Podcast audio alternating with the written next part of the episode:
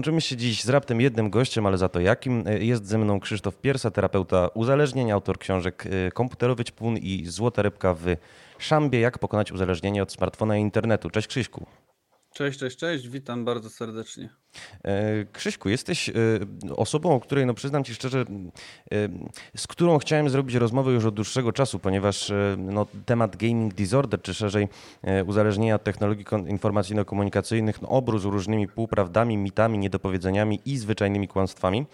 Dlatego też w duchu pewnej uczciwości zarówno względem nauk społecznych, ale też względem czytelnika, no bo sam widziałem, jak nawet TVN24 czy Rzeczpospolita pisały o tym, że e, uzależnienie od gier stanie się chorobą psychiczną. Chciałbym z tą pomówić o pewnych takich terminach.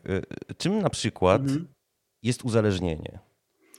E, sam, sam termin uzależnienie jest tu kłopotliwy, dlatego że w definicji terapeutycznej, jeżeli jesteś uzależniony, to jedyną drogą do tego, żebyś przestał być uzależniony, jest całkowita abstynencja.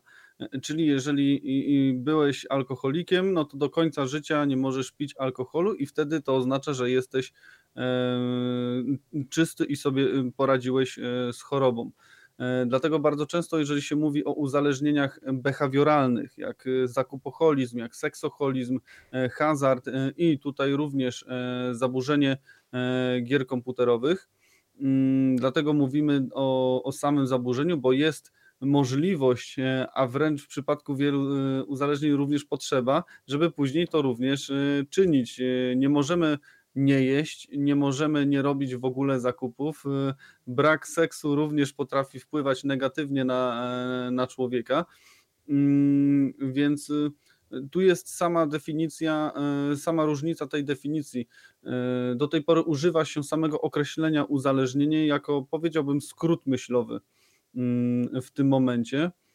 Mm, no, no tak bym to powiedział. Y, kilka przegródek mi w głowie otworzyłeś. Pierwsza kwestia, powiedziałeś, że w e, definicji terapeutycznej e, no, powinno się dążyć do abstynencji, do tego, żeby był, e, była osoba uzależniona, mówiąc w cudzysłowie sucha. Natomiast no mamy wykwit takich profesji w ostatnich latach jak e, street workerzy, jak party workerzy. Mówi się o e, coraz więcej o tym, że skutecznie jest redukować szkody niż e, wprowadzać no, całkowitą abstynencję. Jak ty się na to zapatrujesz? Wiesz co, jest ogólnie bardzo duża dyskusja do tej pory, powiedziałbym w środowisku w ogóle terapeutycznym. Czy należy podejść w taką stronę purysty, purytystyczną, że koniec absolutny i w ogóle, czy na, należy mówić o kontroli. E, tu też warto powiedzieć, że odcięcie się od e, uzależnienia bar, bardzo często potrafi być no niemalże niemożliwe, bym powiedział, żeby człowiek utrzymał się przykładowo w abstynencji od alkoholu przez e, powiedzmy 60 lat swojego życia. E, i potrafi to wynieść, e, wprowadzić też samo w sobie straszliwe traumy, jeśli chodzi o funkcjonowanie człowieka, że będzie się bał po prostu strasznie tego. Są do tej pory dyskusje, na przykład alkoholizm kontrolowany, żeby nie przekraczać jakiejś dawki tego alkoholu w kontekście miesięcznym albo tygodniowym. E, I, i wiesz, tu już się pojawiają dyskusje, czy jest to lepsze, czy to jest e, szukanie mniejszego wyjścia, czy to jest samo oszukiwanie się, że ja panuję, tylko, tylko czasami potrzebuję. E, I z samymi grami, powiedziałbym, samym środowiskiem internetu jest dużo cięższa sytuacja, bo abstynencja jest praktycznie niemożliwa. E, tak, tak jak gdzieś e, niejednokrotnie potrafiłem się w przeszłości ścierać z e, terapeutami twierdzącymi, że należy się odciąć i można wszystko zastąpić, nie trzeba przecież korzystać z komputera, można pisać na kartce. Chciałbym zobaczyć, jak ludzie roz, rozliczają się dzisiaj, jak pracują jako informatyk za pomocą kartki długopisu, piszą kod na, na kartce. Mm, nie jesteśmy w stanie żyć bez, y, bez komputera dzisiaj, obiektywnie y, rzecz ujmując, dlatego ta kontrola jest wszystkim właściwie, co nam pozostaje. Jeżeli ktoś będzie chciał żyć bez y, komputera, to skaże się po prostu na alienację. No dzisiaj dzieci bez komputera nie są w stanie podjąć edukacji nawet. Tylko wiesz, to Jasna sprawa, natomiast y, te dzisiejsze dzieci, ta dzisiejsza młodzież, dzisiejsi młodzi dorośli, to jest to pokolenie, które y, Mark Pręski z Uniwersytetu y, Yale nazwał taki ukuta bardzo modny termin cyfrowymi tubylcami, czyli ludźmi, którzy tak. się już wychowywali z, ze smartfonem czy z tabletem e, w ręku. Natomiast zastanawiam mnie, bo. E, e, o, przepraszam, chciałeś coś powiedzieć? Jeśli dobrze pamiętam, to w tym momencie wchodzi w 2020 roku wchodzi pierwsze pokolenie, które urodziło się ze stałym łączem. E, po rewolucji neostrady to jest już pokolenie, które nie wie, co to znaczy brak Wi-Fi, brak stałego łącza. E, tak jak ty czy ja pamiętamy jeszcze łączenie się przez kabel, czy y, łączenie się jak najszybciej, jak najkrócej, e, no to dla nich to już jest totalna abstrakcja w tym momencie. E, powiem Ci, że przeżyłem taką niedawną nostalgiczną podróż, kiedy dzwoniłem do Sanepidu i właśnie miałem taki dźwięk, jaki wydawały te stare modemy. No ale to zupełnie na marginesie, wątek poboczny. E, chciałem Ciebie zapytać, bo e, mamy faktycznie tych młodych ludzi, którzy, jak powiedziałeś, żyją ze stałym dostępem do internetu, są do tego dostępu przyzwyczajeni i kiedy, gdzie przebiega granica pomiędzy problemowym korzystaniem z internetu i problemowym korzystaniem z gier, a hobby? E, wiesz co, ja staram się wyznaczać granice na podstawie zachowania. Oczywiście są normy medyczne, które mówią, że nie powinniśmy przebywać przy komputerze więcej jak 4 godziny w ciągu dnia, bo będzie miało to konsekwencje również zdrowotne. Inna sprawa, że tak, oczywiście będzie miało to konsekwencje zdrowotne. Nam przyjdzie się z tym zmierzyć po prostu za kolejne 30 lat. Jeżeli chodzi o taką granicę, powiedziałbym, że najważniejsze jest, e, czy zaniedbujemy samych siebie i czy zaniedbujemy swoich bliskich. Nie jest problemem to, że przeglądamy memy w internecie, ale jeżeli z kimś rozmawiamy, i w tym momencie wyciągamy telefon i ja bardzo chętnie bym z tobą porozmawiał, ale ktoś mi wysłał zdjęcie e, kota siedzącego na patelni i to jest bardzo śmieszne, koci omlet, haha i muszę dać lajka teraz, więc nie obchodzi mnie, że e, ty masz kryzys jakiś e, życiowy, ja muszę tutaj dać lajka, to to jest, to jest przegięcie. Yy, nie jest przegięciem matka, która przegląda telefon, yy, dziecko się bawi, a matka spojrzy na, w telefon. Przegięciem jest moment, kiedy dziecko biegnie do matki, a matka siedzi w telefonie wczepiona i musi dziecko szturchać matkę, mamo zobacz, mamo spójrz, bo jest wyłączone. Yy, więc nie można powiedzieć na samych godzinach, są same takie zachowania, takie przeginanie pod względem e, ludzi, czy na przykład bierzemy telefon do ręki w trakcie jedzenia, posiłku, wiesz, spotykają się ludzie e, na wspólnym obiedzie, rodzina na przykład nawet się spotyka i wybieramy kontakt z telefonem w trakcie, kiedy moglibyśmy porozmawiać z drugą osobą. E, jeśli chodzi o granie na komputerze, też jest problem w momencie, kiedy zaniedbujemy też samych siebie, czyli mieliśmy pisać książkę, mieliśmy rysować e, ilustracje, mieliśmy zajmować się grafiką komputerową, tworzyć jakiś kurs, e, e, zajmować się jakimś kursem, rozwijać po prostu swoje pasje i odsuwamy to w czasie, zaniedbujemy to, bo wolimy sobie w tym momencie pograć. To, to jest też taki punkt, który pokazuje, że brakuje tej kontroli, brakuje tego zdrowego podejścia. E, zastanawiam mnie, nie wiem, czy się zgodzisz e, z takim twierdzeniem, że to właściwie jest pewien wspólny mianownik między uzależnieniami od substancji, a uzależnieniami behawioralnymi, ze szczególnym uwzględnieniem uzależnienia od e, technologii i uzależnienia od gier. Mianowicie zachodzi jakaś, jakieś takie upośledzenie regulowania emocji. To znaczy, nagle nie jest tutaj już ważna substancja czy czynność, ale E, ważny jest ten rozpadający się system wartości, że nagle po prostu zamiast całej palety w ogóle czynności, które mogłyby regulować emocje, nie wiem, wyjścia do kina, wyjścia do teatru, spotkań z przyjaciółmi, no jest jedna, która sprawia, że te pozostałe czynności zaniedbujemy. E, wiesz co, to dotyczy powiedziałbym właściwie wszystkich e, uzależnień i to jest jedna rzecz, której, e, jedna z tych rzeczy, których nauczyłem się rzeczywiście na studiach terapeutycznych, że nie ma do końca znaczenia z psychologicznego punktu widzenia, czy jesteśmy uzależnieni od narkotyków, alkoholu czy od gier. I mówię to dlatego, że bardzo często podkreślamy, że no jest uzależniony od gier, ale hej, zawsze mógł być pać albo zawsze mógłby być alkoholikiem, więc mniejsze zło mamy w tym momencie. Nie, dla psychologa to jest jest to samo.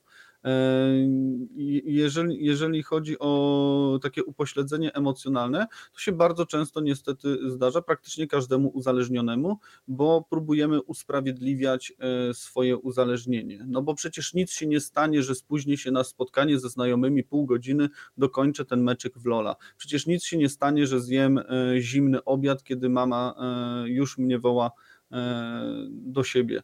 Mm, I przekonujemy się, przekonujemy się, że e, to, się nic, to nie jest nic złego, e, to jest wszystko w porządku, po to, żeby dać sobie troszeczkę wymówki, dać sobie troszeczkę więcej e, wolności i, i tym samym powiedzieć samemu sobie, że hej, ja jeszcze nie mam problemu. Bardzo częstym takim zabiegiem ucieczką, można powiedzieć, jest y, rzucanie ekstremum. Ja nie jestem uzależniony od gier, bo nie rzucam krzesłami i nie krzyczę na swoich bliskich. I to jest y, dokładnie ten sam argument, który rzuca alkoholik, mówiący: Ja nie jestem alkoholikiem, bo ja tylko piję pięć browarów dziennie, a przecież mógłbym y, na przykład leżeć pod sklepem całkowicie zażygany, mogliby mnie odwozić na wytrzeźwiałkę, a przecież tego nie ma, nie ma tej ekstremalnej sytuacji, więc jest jeszcze e, w porządku. Mm, spodobał mi się ten przykład, szczególnie mamy z obiadem, e, bo chciałem się ciebie e, zapytać, chciałem zahaczyć o to, czy przypadkiem nie jest trochę tak, że w uzależnieniu od nowych technologii mogą wpędzać młodzież rodzice. No bo przeczytałem sobie taki artykuł dr Ewy Krzyżak-Szymańskiej i doktora Andrzeja Szymańskiego, który dotyczy szerzej, no właśnie uzależnienia od TIK-ów, od technologii informacyjno- komunikacyjnych. No i oni tam wyliczają rzeczywiście, że to może skutkować, nie wiem, zanikiem empatii, e, obniżoną koncentracją, depresją, e, jakimiś zachowaniami społecznymi, ale wskazują, że bardzo często jest tak, że właśnie rodzice, jako że no, tempo życia wzrasta, jako że bardzo często to są dwie osoby pracujące, które gdzieś tam się dzielą obowiązkami, zaczynają traktować tablety czy smartfony jako takie cyfrowe niańki. E, uczciwie powiem, że bardzo często to jest moment, który wywala styki na spotkaniach autorskich czy na wywiadach, kiedy mówimy, gry są złe, internet jest zły, zagrożenia, ach ta biedna młodzież, a kiedy przechodzimy do tematu rodziców i odpowiadam, no sorry, rodzice sami to kupują. Dzieciak sam sobie nie kupił tabletu, dzieciak sam sobie nie kupił nowego Samsunga Galaxy i dzieciak sam nie kupił nowych gier. E, I nagle jest, jak to? To ja jestem winny, to ja również jestem za to odpowiedzialny.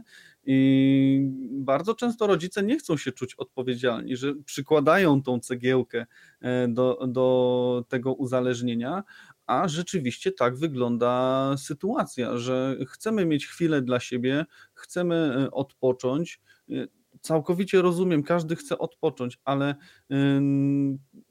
dawanie dziecku tabletu na 3 godziny to naprawdę nie jest rozwiązanie e, problemu. Kiedyś jeden youtuber bardzo fajnie to podsumował, że tak jak kiedyś E, rodzice mieli e, kompletnie gdzieś, co się dzieje z dzieckiem i wyrzucali je na dwór, masz, idź, baw się i mnie nie obchodzi, co się z tobą dzieje, tak samo to e, tak samo jest dzisiaj, masz tablet, masz konsolę, masz komputer, baw się i mnie nie interesuje, co się z tobą dzieje.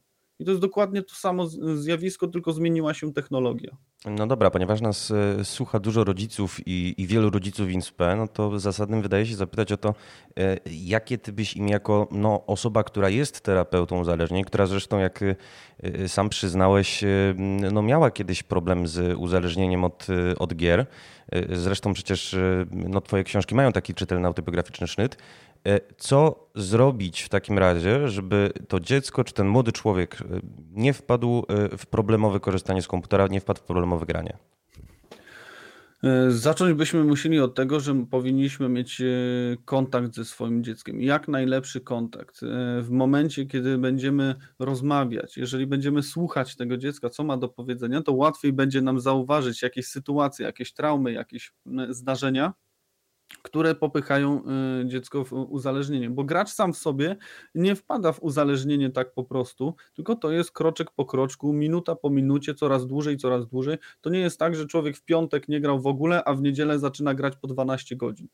E, więc y, trzeba przede wszystkim obserwować. E, polecałbym y, rodzicom rozmawianie z młodym człowiekiem na temat zasad, ile korzystamy z komputera, ile korzystamy z tabletu, żeby te zasady były jak najbardziej klarowne, jak najbardziej zrozumiałe i wyciąganie też konsekwencji z tych zasad. Mówię o tym dlatego, że bardzo często spotykam się z takim terrorem dziecka w domu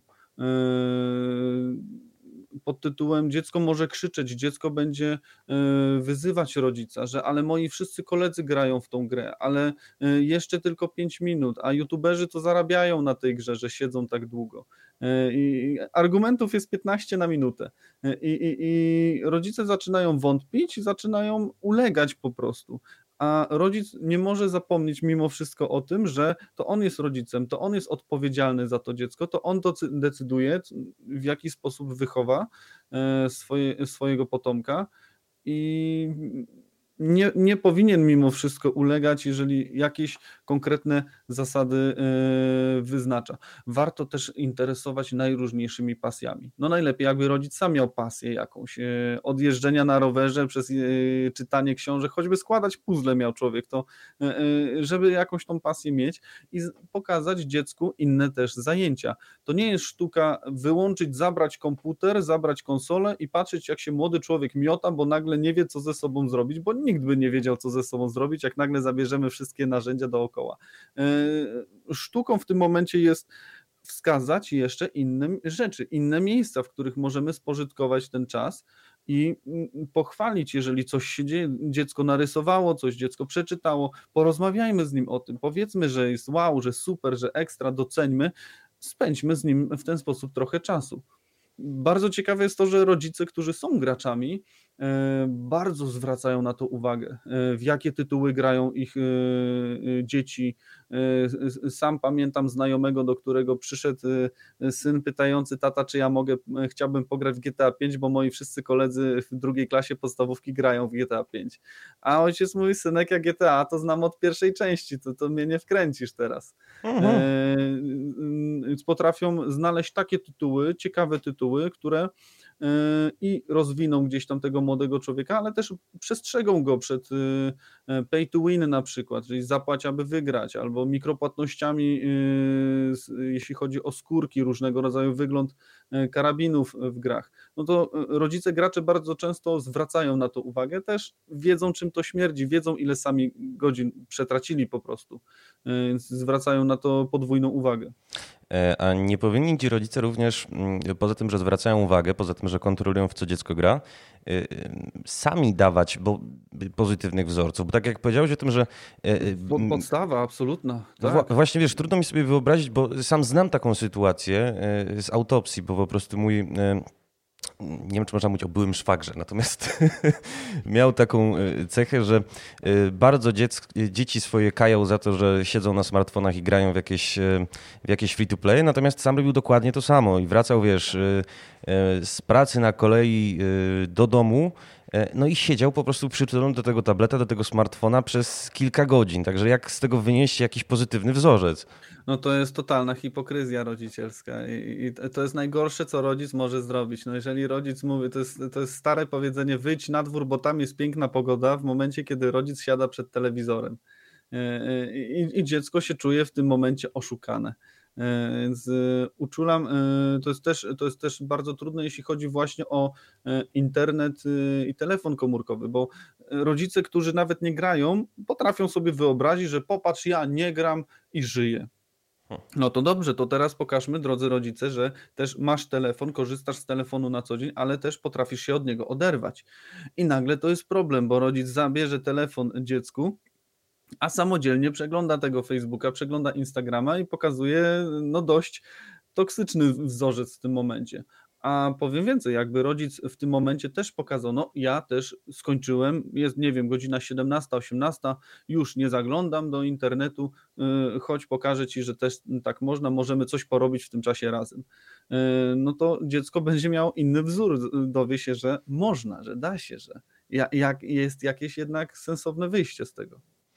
E, a jak jest z uzależnieniami behawioralnymi, z uzależnieniem od, uzależnieniem od gier, uzależnieniem od tików e, podczas pandemii? No bo nagle właściwie zostaliśmy odcięci od e, bardzo wielu sposobów regulowania emocji. Wszyscy no, znajomi prezesi spółek zacierają ręce, że tam przyszły większe zyski, że większe przychody, więcej gier sprzedali.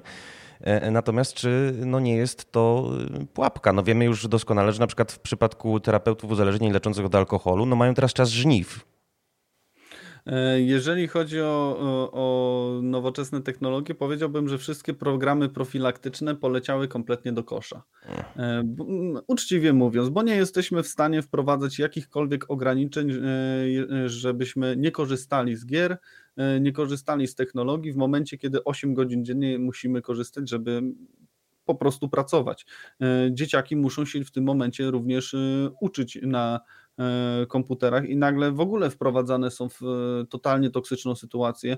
Siedmiolatek, ośmiolatek, który ma 6-7 godzin dziennie, wiesz, siedzieć siedzieć przed ekranem, e, to ja, ja nie pamiętam takich doświadczeń i ja nie jestem w stanie, nie ma na to podręczników, jak, jak mózg dziecka zmieni się, jak wpłynie, wpłynie na niego ta sytuacja, w której musi siedzieć 7 godzin przykuty do monitora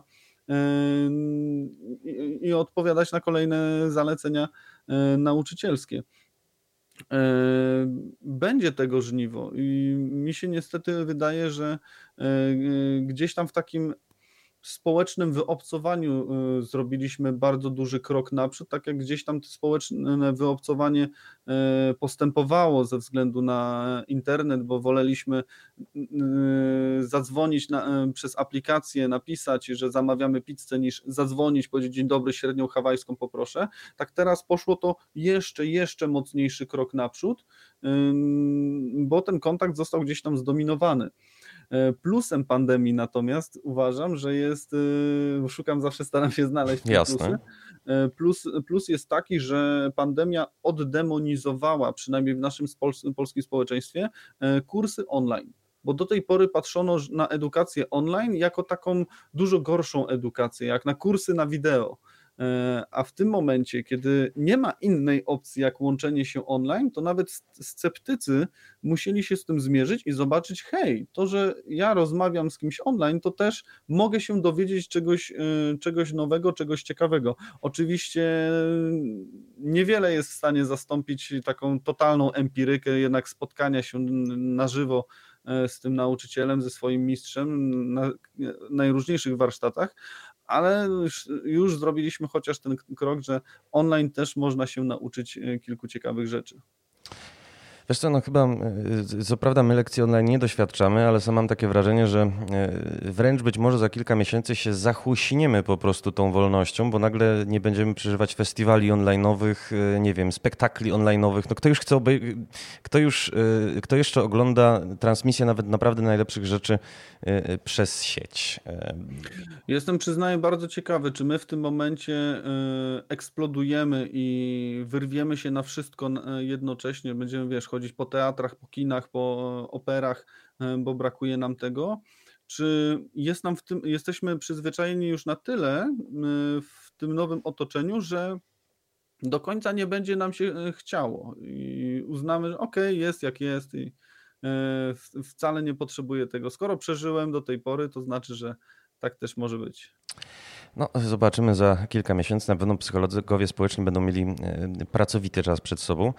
E, chciałem Ciebie jeszcze dopytać o taką kwestię, która gdzieś wybrzmiała nam w rozmowie, aczkolwiek jeszcze nie było na nią czasu, mianowicie e, o relację pomiędzy uzależnieniem a depresją. Bo powiem Ci szczerze, mam takie dwa przypadki w swoim otoczeniu. Dwóch mhm. osób, które rzeczywiście miały zdiagnozowaną depresję i zaowocowało to u nich e, tym, że e, zaczęli kompulsywnie wręcz grać na komórce e, w jakieś takie zupełnie mm, pozbawione dla mnie powobu minigry, ale to już było, wiesz, no, no, rzeczywiście wcześniej nie spędzali nad, w ogóle nie pochyliliby się nad czymś tak prostym, a nagle spędzają po, nie wiem, 8 godzin dziennie. E, po pierwsze, e, gry komórkowe e, dostarczają niesamowite ilości dopaminy, dlatego że ta gra, te gry bombardują nas, można powiedzieć, kolejnymi komunikatami, kolejnymi kwestiami, że coś nam się udało, coś jest rozwinięte, miasto ma aktualizację, wojsko ma aktualizację, nowe surowce spłynęły i my te komunikaty dostajemy non-stop i, i potrafią e, w bardzo destrukcyjny niestety sposób zapewnić nam taką odrobinę e, radości, z, z której powodu osoby chorujące na depresję e, potrafią cierpieć. Więc jest to też pewnego rodzaju substytut tej radości, a dodatkowo jest to mur przed innymi żeby nikt nam nie zawracał głowy, żeby, żeby nie mierzyć się z tą rzeczywistością dookoła, która również nas potrafi wbijać w ziemię, e, to telefon w tym momencie, e, gry, zwłaszcza gry telefonowe, potrafią nas oddzielić po prostu od tych problemów. Poświęcamy wtedy każdą chwilę myślenia właśnie na, na, na te osiągnięcia z gry. Nie musimy się mierzyć, nie musimy myśleć przynajmniej o problemach dnia codziennego. Wiesz co, dla mnie najbardziej taką przerażającą sytuacją, jakiej doświadczyłem, była mm, sytuacja z udziałem mojej drugiej połówki, która właśnie miała zdiagnozowaną depresję i moment, w którym e, ja na przykład chcę porozmawiać o tym, że nie wiem, e, coś z tym może zrobić. E, no, I w tym momencie po prostu to była, wiesz, ręka na telefon i gra. Tak. Bo nie mogę wyjść z pokoju, byłoby, y, nie mam albo dość odwagi, albo nie mam dość zaparcia, albo też y, wiem, że byłoby nie w porządku, gdy, gdy wyjdę. Nie mogę wyjść z tej sytuacji, ale mogę ulotnić się umysłem, mogę spojrzeć w tym momencie na telefon i w ten sposób ucieknę od e, rozmowy. Też telefon nam e, już wpo, mamy wpojone gdzieś tam wewnętrznie, że to, że ktoś przegląda telefon przy nas, nie jest niczym strasznym. Jeszcze parę lat temu, kiedy ktoś sięgał po telefon, to ludzie milkli, jeśli chodzi o rozmowę. Mhm. Nagle był stop, bo, bo, bo tam ktoś pewnie dzwoni, coś będzie, jakiś kontakt. Dzisiaj potrafimy rozmawiać dalej, yy, patrząc, że człowiek siedzi w telefonie, patrzy, patrzy na telefon.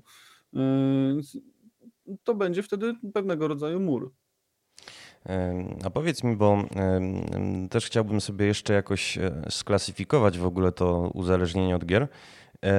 W 2017, a konkretnie pod koniec roku, wybuchła, no powiedzmy, taka głośna medialna afera e, związana z tym, że WHO e, chciało wpisać tak zwane gaming disorder do e, międzynarodowej klasyfikacji chorób i problemów zdrowotnych, do ICD-11. No i faktycznie eksperci Światowej Organizacji Zdrowia wydali tam zalecenia, że to problemowe granie to jest sytuacja, w której gracz, no właśnie, ma ono negatywne konsekwencje dla zdrowia, nie kontroluje gracz czasu przed monitorem, e, e, ma wyższy priorytet grania niż jakieś istotniejsze aktywności.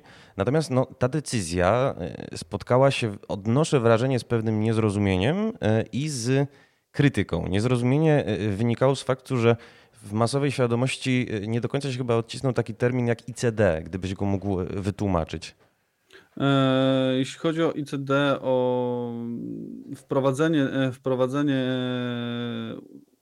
definicji uzależnienia od gier komputerowych, że uzależnienie od gier jest jednostką chorobową. Mm, ICD-10 dotyczy właśnie uzależnień.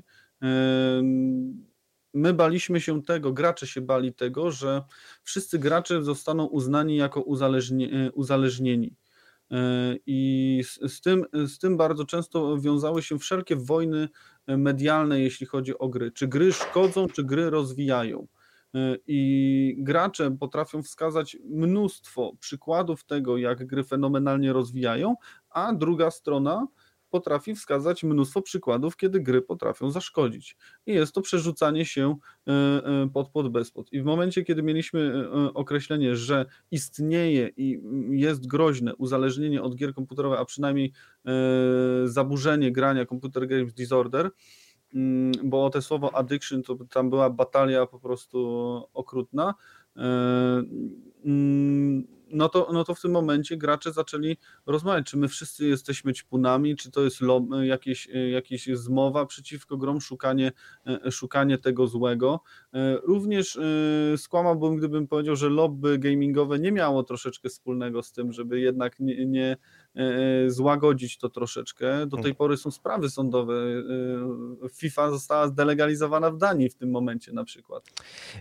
Tak, tylko wiesz, mm, Entertainment Software Association, które właśnie było chyba najgłośniej lobbowało, żeby nie wpisywać w ogóle do tej klasyfikacji tego tak zwanego gaming disorder, mhm. twierdzili, co w ogóle dla mnie było szokujące, że wiesz, Federacja Producentów i Wydawców Gier sprzeciwia się decyzji Organizacji, Światowej Organizacji Zdrowia, twierdząc, że Światowa Organizacja Zdrowia trywializuje problematykę zdrowia psychicznego. Z tym potrafi być duży problem. E, że nawet, e, nawet z tą nieszczęsną FIFA pamiętam była sytuacja, kiedy zarzucano e, hazard skrzynkowy, który jest dostępny dla dzieci od trzeciego roku życia, bo FIFA ma PEGI 3+. Mhm. No, no, no to prezes EA Games tłumaczył się, że to nie jest mechanika hazardowa, tylko to jest mechanika niespodzianki. A tak.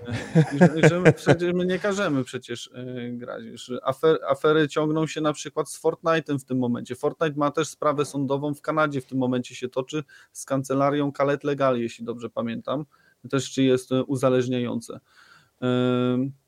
Mm, I, i, I z tym jest przepotężny problem, no bo tak, nie można wrzucić wszystkich gier do jednego worka. Nie wszystkie gry są uzależniające, nie wszystkie gry są rozwijające, ale niestety, no śmiało mogę powiedzieć, sam byłem graczem, jestem graczem do tej pory, jestem terapeutą. Są gry, które są bardziej skierowane na uzależnienie tego gracza od siebie. Są takie tytuły, co bardzo ciekawe i zaskakujące. Te gry to są głównie gry skierowane do najmłodszych. Y, gry, y, gry komórkowe są usiane y, mikropłatnościami na przykład i, i mechanikami pay to win zapłać, żeby wygrać, a gry dla dorosłych bronią się przed tym, bo gracze dorośli y, oglądają złotówkę z każdej strony i powiedzą, hej, jak mnie oszukujecie, to będzie afera. Afery gamingowe są co chwilę po prostu, jeżeli mamy tytuł y, dla dorosłych, spójrzmy na przykład na Cyberpunka, gracze mało by nie roznieśli po prostu CD Projekt y, za, za Cyberpunka, a w grach dla dzieci nie ma takich afer. Giereczka jest najczęściej darmowa, mikropłatności są gdzieś tam zawaluowane, i przyjmują to dużo bardziej na chłodno. E, e, dzieci biorą po prostu jako, jako grę i się wciągają tak, tak wiesz, bez, bez żadnego, e, bezrefleksyjnie. I obawiam się, że to też będzie kierunek gdzieś tam rozwoju gier, że będzie coraz więcej gier dla dzieci, a coraz mniej dla dorosłych graczy, bo po prostu w, w grach dla dzieci będzie większy hajs. Ale wiesz co, jednego bym chciał dokonać takiego rozróżnienia, to znaczy bo to nie jest sytuacja zero-jedynkowa, że jest gra wideo, która nawet ma mhm. uzależniające mechanizmy i tutaj możemy się z tym zgodzić. E, natomiast, że każda osoba, która e, z niej skorzysta, będzie grać problemowo, tylko właśnie. E, tak, tak, masz rację, oczywiście. Nie każda osoba, tak, nawet jeżeli powiedzmy ten Fortnite jest grą mhm. gdzieś uzależniającą, E, to nie każdy gracz będzie uzależniony. Nie każda osoba pijąca alkohol jest od razu alkoholikiem. E, chociaż z tym różne też są definicje e, terapeutyczne. Mm, I też nie każdy gracz, który ściągnie sobie grę, to jest od razu straszliwy problem. Mm, spotykam się z tym niejednokrotnie niestety w rozmowie z rodzicami, rodzice panikują od razu. Moje dziecko zaczęło grać e, teraz w gry, moja babcia kupiła konsolę e, synowi i co teraz? E, I zawsze staram się uspokajać to nie jest od razu coś złego, że, że, że dzieciak ma konsolę. To, yy, wszystko zależy od tej kontroli, wszystko zależy od tego, ile, ile czasu poświęcimy i na jakie tytuły poświęcimy ten czas.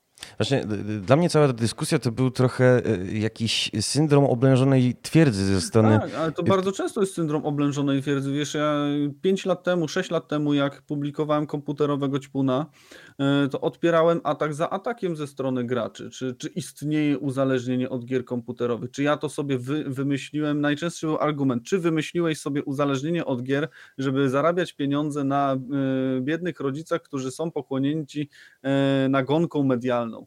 E, i, i, i żeś to gościu sobie wymyślił, teraz trzepiesz na tym hajs. Uczciwie ci powiem, że mógłbym pójść w tą stronę i mówić, hej, gracze grali w strzelanki, a teraz są strzelaniny na przykład w, w szkołach amerykańskich. Przypadek? Nie sądzę. Nie? No właśnie tak, e, słuchaj, i mógłbyś to, zrobił to tak. prezydent Donald Trump przy okazji masakry w Parkland, tak żeby być w dobrym towarzystwie. Tak bez żadnego problemu bym mógł, mógł w to pójść, a staram się z uporem maniaka tłumaczyć, że jednej i drugiej stronie, wiesz, jest problem też z taką z taką szczerością. Jest przykładowo, jak jest mowa o rozwoju w grach komputerowych. Czy gry y, y, uczą angielskiego, uczą historii, strategicznego myślenia i w ogóle y, jak, jaki jest skala tej edukacji. I my gracze bardzo często na ten temat lubimy dyskutować, podkreślać ten rozwój, no bo poświęciłem 12 tysięcy godzin grając ja muszę coś z tego mieć, no bo jak nie mam z tego nic, ja nie, jak nie mam z tego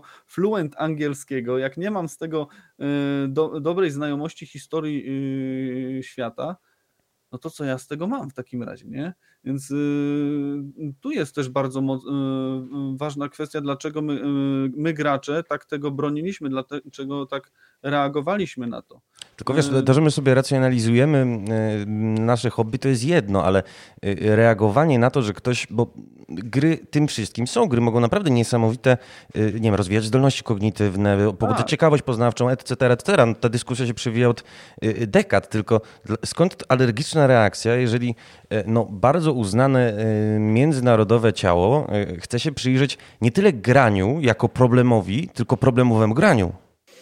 Bo tak samo można, nie wiem, pro, wyobrażam sobie, że problemowo można na przykład oglądać yy, telewizję, problemowo można uprawiać hazard, problemowo można uprawiać seks. No, tych uzależnień behawioralnych jest wiele, a zresztą pojawiają się już nawet takie niekiedy krzyżaki jak chemseks, nie? który jest uzależnieniem od seksu po substancjach psychoaktywnych. Także skąd, yy, dlaczego po prostu musimy yy, podnosić miecz i iść na barykady w momencie, kiedy wszyscy zdajemy sobie sprawę, że może to hobby się wymknąć spod kontroli i może się stać e, potencjalnie uzależniające. E, wiesz co, ja mam wrażenie, że najwięcej krzyczą e, te osoby, które ma, mają z tym problem i, i same głęboko czują, że mają z tym problem, ale chcą zakrzyczeć nawet środowisko uniwersyteckie, żeby, mm, żeby jednak dać sobie troszeczkę miejsca na, na to, że nie, ze mną, ze mną to nie ma takiego problemu. 嗯 Miałem sytuację na przykład na konwencie fantastyki, jednym z największych konwentów fantastyki w Polsce na Pyrkonie, że miałem prelekcję dotyczącą gier i ja się bałem, że mnie na tej prelekcji wyniosą na widłach, no bo to jest środowisko graczy, a tu nagle przychodzi e, e, rudy gość, który napisał książkę e, o uzależnieniu od gier i teraz będzie na ten temat opowiadać. No to jak ja zobaczyłem na sali jeszcze, wiesz, ludzi poprzebieranych za postacie z gier i w ogóle sala 300 osób, widły, tylko widły i pochodnie a oni, y, a gracze zareagowali fenomenalnie, bo powiedzieli tak, my wiemy, że jest problem, tylko teraz jak to zwalczyć? Bo my wiemy, że są, my jesteśmy gracze y, też zdrowi. Wielu podkreślało, mówią, ja miałem problem. Gracze nagle mówili, miałem problem, grałem za dużo, yy, zacząłem coś z tym robić, ale szukali wyjścia z sytuacji, że jest jak pomóc tej patologicznej części, żeby, żeby jakoś to odseparować, że są gracze tacy i są gracze inni. E, I oni rzeczywiście patrz, e, zwracali na to taką, taką solidną uwagę. Też niestety, jeśli chodzi o bagatelizowanie tego środowiska naukowego, jest problem mm, z taką wiedzą praktyczną, powiedziałbym, naukowców, że bardzo często to są ludzie, którzy sami nie grają w gry, nie znają tego środowiska, nie znają internetu, nie, nie, nie używają e, tych gier na co dzień, więc e, bardzo łatwo idzie użyć argumentu, że są to po prostu teoretycy.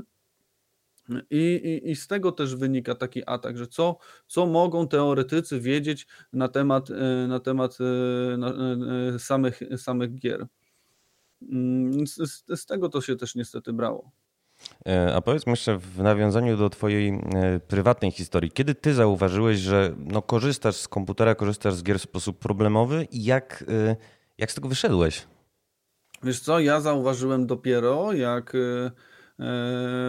Powiedziałbym, że moje marzenia zaczęły uciekać. Zawsze uważam, nie jest wszystko w porządku, tylko panuję nad tym, mogę, e, mogę przestać kiedy zechcę, tylko po prostu nie chcę. I zdałem sobie sprawę dopiero, kiedy zacząłem brać udział w konkursach literackich na przykład, bo zawsze chciałem pisać książki i zawalałem kolejny konkurs za konkursem, e, dlatego że twierdziłem, że nie mam czasu pisać. Nawet kiedy dostałem się do jakiejś, pamiętam, publikacji na dużym portalu, e, to odsuwałem w czasie pracę nad tekstem, e, bo wolałem sobie pograć.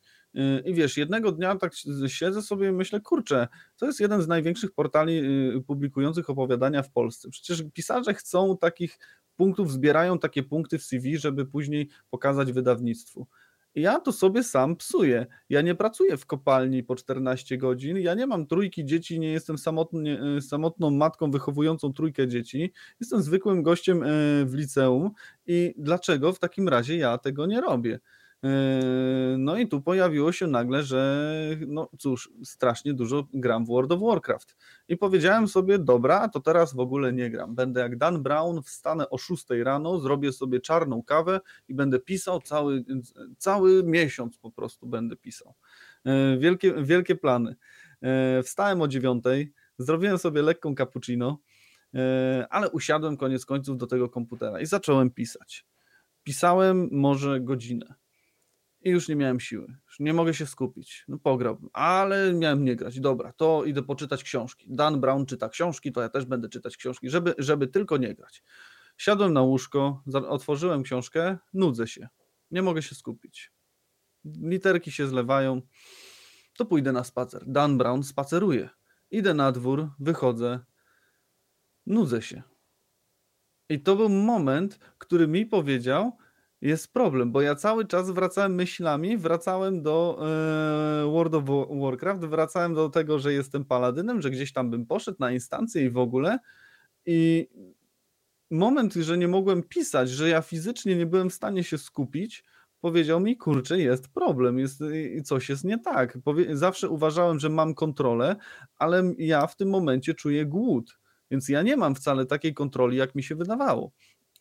I wtedy zacząłem dopiero robić sobie e, rygory, bym powiedział, że e, zmniejszam czas grania, że e, robimy sobie budzik maksymalnie godzinę, maksymalnie półtorej godziny.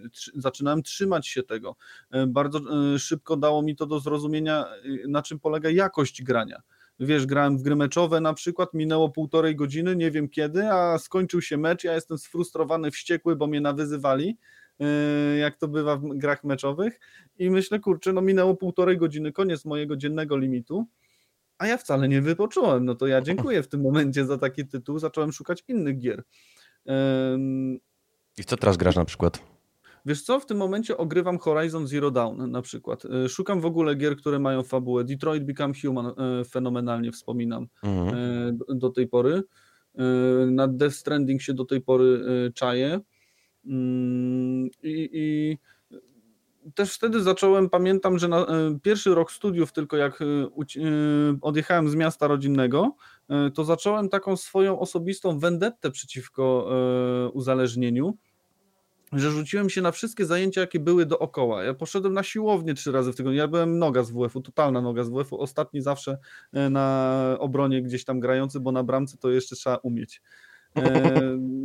E, gdzieś tam na chór się zapisałem, nigdy nie śpiewałem, ale co tam, idę na chór, idę na nurkowanie, idę do e, radia e, studenckiego. I te momenty, jak tam zaczęło coś wychodzić, po siłowni nagle, ej, ja mam mięśnie, o kurczę, Hogan Hulk po prostu, nie? Jak to facet po pierwszych trzech treningach. Tak, są napuchnięte jeszcze, a nie... Tak, napuchnięte, uuu, to ja zaraz nowe t-shirty kupię, jak ja takie gainsy będę mm -hmm. miał.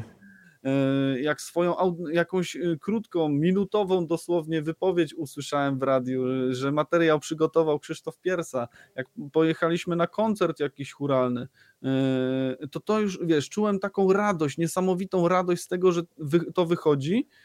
I bardzo szybko pojawiło się ta, takie skalowanie, mam dwie godziny wolnego, mogę pograć, a mogę iść na trening, zrobić, y, zrobić biceps, mogę pograć, albo mogę pisać powieść na konkurs, mogę pograć, a mogę iść do studia e, nagraniowego, dowiedzieć się, czy jakiś jeszcze materiał mogę fajny zrobić. I, I w tym momencie zamieniłem, bym powiedział, uciekanie przed tym uzależnieniem mhm. na takie ściganie tych, tych pasji. Można powiedzieć, gdzieś tam ruch został, nadal byłem w ruchu, tylko zmieniła się, zmieniło się ze strachu, zmieniło się zaściganie tych, tych, tych pasji. I jakimś czasie, pamiętam, jak już miałem chyba 23-24 lata, już kończyłem studia, i zdałem sobie sprawę jednego miesiąca, że ja chyba w pół, pół roku to w ogóle nie odpalałem żadnej gry w ogóle. Że, że nie miałem kiedy, nie miałem czasu, już wracałem, wracałem do domu i ojej, no jak ja mam ten samouczek przechodzić, to już mi się nie chce. No na samą myśl chyba Fallouta czwórkę chyba wtedy grałem. Jak, jak pomyślałem o samym samouczku, dobra, idę na siłownię, idę malować figurki, bo jeszcze modelarstwem się w międzyczasie zająłem. I, i, I, wtedy zdałem sobie nagle sprawę, że ten problem jakoś tak minął. Że, że, że, że sam tego po prostu nawet nie, nie zauważyłem. Nie zauważyłem takiej już twardej granicy, mhm. że od tego momentu już ogarniam, trzymam nad tym kontrolę. Tylko to wypaliło gdzieś tam po wielu latach po prostu. Nagle zdałem sobie z tego sprawę. E, Krzyśku, w takim razie pozostaje mi życzyć na koniec audycji dalszego ścigania i dogonienia tych pasji, zarówno tobie, e, jak i naszym czytelnikom. E, I no cóż mogę rzec, po prostu zdrowego grania.